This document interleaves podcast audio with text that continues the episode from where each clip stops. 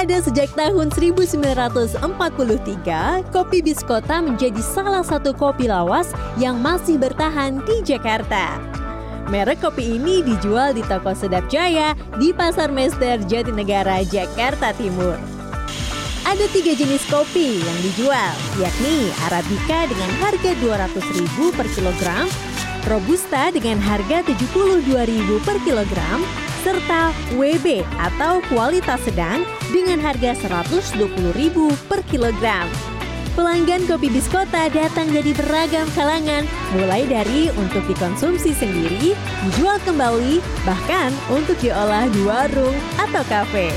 Ada yang dibawa keluar juga nggak tentu, ada yang beli bawa ke Jepang, bakal dia pakai sendiri. Macam-macam sih, ada yang jauh-jauh, ada yang dekat juga.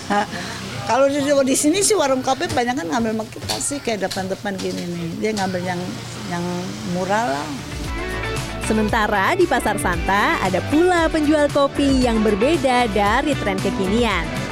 Solihin yang berusia 74 tahun membuka kios kecil di lantai basement Pasar Santa Jakarta Selatan. Perfect Ice Coffee menjadi yang terfavorit di sini. Menu tersebut adalah racikan espresso, maple, dan corn syrup. Seluruh olahan kopi di kios ini tidak menggunakan susu maupun gula aren seperti kebanyakan kafe penjual kopi lainnya. Solihin membuka kiosnya lima tahun lalu setelah pensiun bekerja dari luar negeri.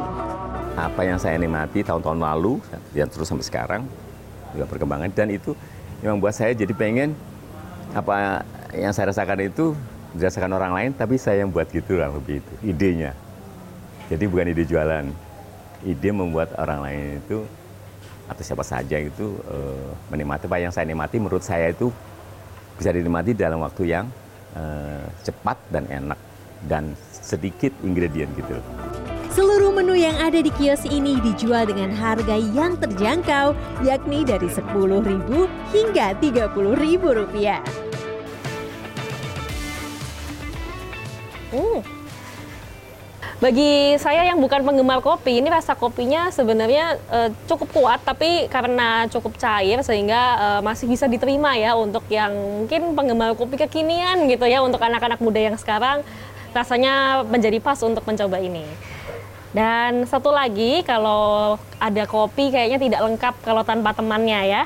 Ini adalah uh, menu andalan juga di kedai ini. Ini adalah cold and cut sandwich. Dan yang menarik adalah karena cara pembuatan sandwich ini ini harus setelah disusun didinginkan dulu di lemari es selama berjam-jam baru kemudian dipotong dan langsung dimakan karena kayaknya ini saya agak skeptis karena kalau orang Indonesia kan kebanyakan sukanya makanan yang hangat ya. Bahkan kalau kita bawa sandwich dimasukkan ke microwave dulu baru dimakan. Nah ini kita akan coba langsung. Seperti apa ya rasanya?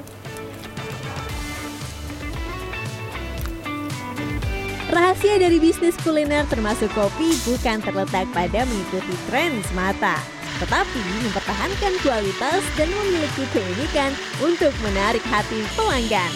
Tim Liputan CNN Indonesia, Jakarta,